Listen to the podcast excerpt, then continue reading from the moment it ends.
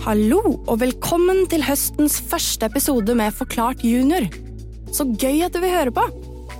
I denne podkasten får du høre nyheter om ting som skjer i Norge og verden, og sport og dyr og verdensrom og gaming og musikk og mange andre ting. Og så blir det alltid en quiz på slutten hvor du kan vinne premier. Så bli med videre, da! Har du hørt om de utrolige rekordene som fotballstjernen Erling Braut Haaland har satt i det siste? Og kunne du tenkt deg å ha en robot som rydder rommet ditt eller gjorde leksene dine? Dette er ting vi skal snakke om. Men først skal vi til et litt tristere tema, og det er krigen i Ukraina. For det er ganske skummelt å høre om hva som skjer der. Kanskje har du noen spørsmål om det som skjer i Ukraina, og hva krigen har å si for oss i Norge? Vi skal prøve å gi deg noen svar. Du hører på Forklart junior. Jeg heter Kari Mette Hole, og jeg er journalist i Aftenposten Junior.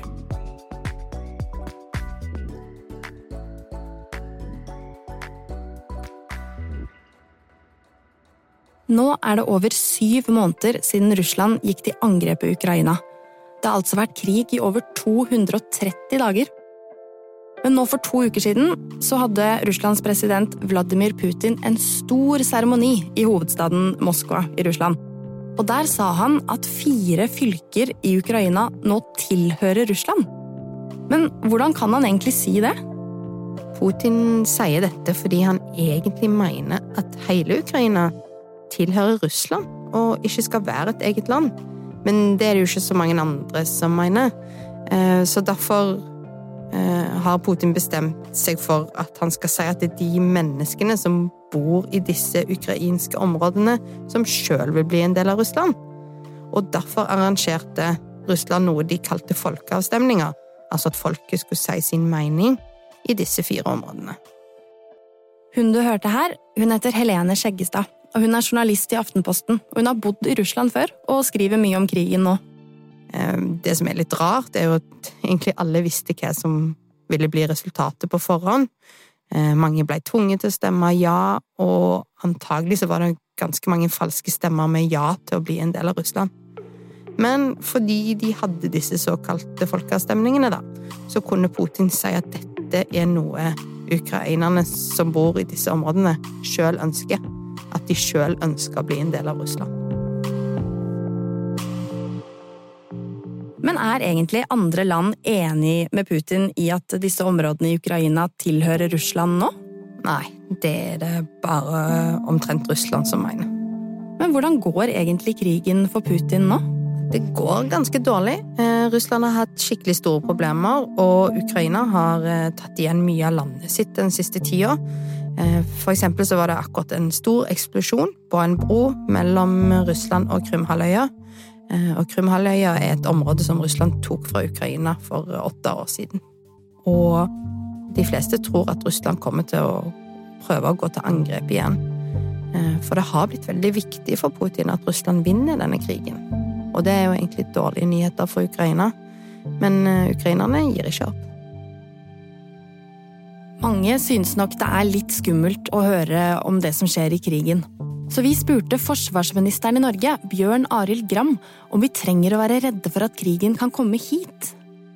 Nei, vi skal ikke være redd for det. Eh, Norge er jo ikke en del av denne krigen. Og det er ingenting som tyder på at eh, Putin og Russland heller ønsker at krigen på noe vis skal spre seg.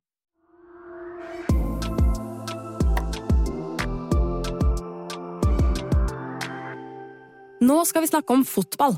For i fotballverden er det veldig mye snakk om ett navn for tiden. Og han er norsk og heter Erling Braut Haaland. Og Haaland har herjet i Premier League siden han kom dit. Han har allerede knust mange rekorder, selv om han bare har spilt i Manchester City i noen måneder. Dette er Sindre Tryggsland. Han er journalist i Aftenposten Junior og følger nøye med på fotball. Men hva slags rekorder er det egentlig snakk om, eh, Sindre? Jeg kan nevne noen. Haaland er den raskeste spilleren til å skåre 15 mål i Premier League, altså brukt færrest kamper. Han er den som har vært raskest til å skåre 25 mål i Champions League, den største turneringen i Europa. Og han er den første i Premier League-historien som skårer hat trick, altså tre mål, i tre hjemmekamper på rad. Og det er bare noen av rekordene. Men Sindre, Haaland har ikke bare fått skryt i det siste. For litt siden så var det jo en pressekonferanse, altså et møte hvor journalister kan stille han spørsmål. Og da fikk han spørsmål om eieren av klubben han spiller på, Manchester City. Hvorfor får han spørsmål om det? Det er fordi eieren til Manchester City også er i kongefamilien i et land som heter De forente arabiske emirater, og der har han mye makt. Og i det landet får de mye kritikk for at de bryter menneskerettigheter, og annet for at det ikke er lov å være homofil der. Mange mener også at de har kjøpt Manchester City bare så man skal glemme det de gjør som er galt, og heller tenke på fotball. Og Haaland fikk jo da spørsmål om hva han tenker om at det laget han spiller på og får en kjempehøy lønn fra, er eid av denne personen. Hva svarte han på det? Han svarte egentlig ikke så veldig mye på det, men han sa at han ikke kjenner eieren. Og så er det noen som mener at Haaland burde si mer om dette, siden han spiller for Manchester City og får lønn av eieren.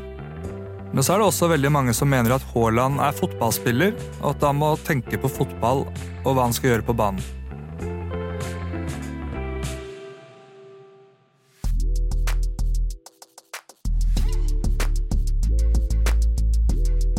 Til slutt må vi snakke litt om roboter. For du har sikkert sett mange roboter i tegnefilmer og i spill. Og de ser noen ganger litt ut som metallformede mennesker som kan snakke og tenke og gjøre det meste som vi kan. Men nå er det faktisk flere som prøver å lage sånne roboter på ekte.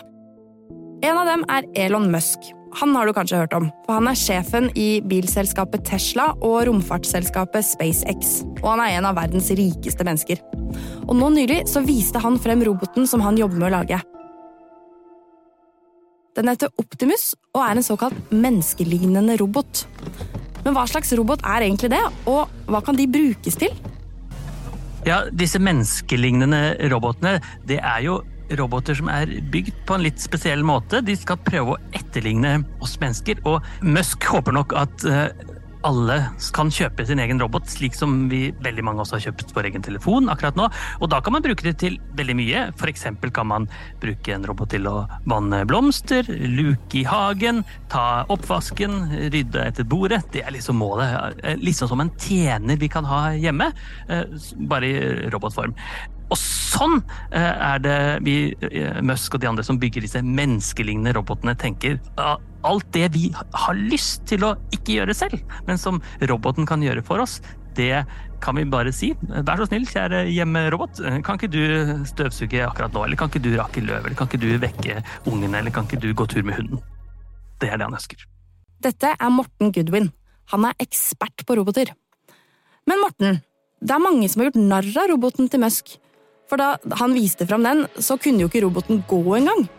Tror du egentlig Musk eller noen andre kommer til å klare å lage en menneskelignende robot? Ja, ja, det er jeg helt sikker på. Og vi ser veldig veldig mye som skjer på robotfronten i det seneste. Eh, robotene blir flinkere og flinkere til å gjøre sånne ting som å gå, selv om man ikke er akkurat like flink som oss mennesker. For det er en rekke ting som vi synes er veldig lett, vi mennesker, som er veldig, veldig vanskelig for roboter. Den type sånn menneskelige følelser av hva man kan holde, hvordan man kan gå, hvordan man kan snakke, er eh, noe som vi faktisk ikke har helt fått til i roboten ennå. Men jeg er helt sikker på at man får det til, for det jobbes masse, bl.a. fra Musk og andre store firmaer, sånn som Google, for å få til menneskelignende roboter. Det høres jo ganske praktisk ut å ha sin egen robot. Men hvis vi spoler litt frem i tid, til når de som er barn nå blir voksne, hvordan tror du verden ser ut da? Kommer det til å være mange roboter blant oss? Jeg er helt sikker på at det kommer til å være veldig mange flere roboter enn det er i dag. Og rett og slett fordi det er veldig praktisk både å gjøre de litt kjedelige oppgavene som vi har snakket om, men kanskje også de litt farlige oppgavene som vi mennesker helst ikke skal gjøre. Så når det kommer mange roboter, så er det eh, mye skremselspropaganda. Altså, vi ser på filmer og sånt, roboter som blir eh, litt slemme og kan ta over verden, og kanskje kan det til og med være jobber som forsvinner pga. det, hører vi. Eh, og selvfølgelig er det sånn at når robotene kommer og kanskje blir flinke til å male hus, eller kanskje blir flinke til å kjøre bil, så er det litt mindre oppgaver for oss mennesker. Men, men jeg er helt sikker på at eh, roboter sånn som dette kommer til å være eh, noe som er bra for oss mennesker, for det, det er type hjelpere, det er type assistenter som vi kan ha. Har du fulgt godt med? For nå er det nemlig tid for quiz! Her kommer tre spørsmål fra dagens episode. Og hvis du ikke vet svaret, så kan du jo bare spole tilbake og høre på nytt. Ok, her kommer spørsmålene. Nummer én. Hva er fornavnet til Putin, som er president i Russland? Spørsmål to. Hvilket lag spiller Erling Braut Haaland på? Spørsmål tre. Hva heter roboten som Elon Musk lager?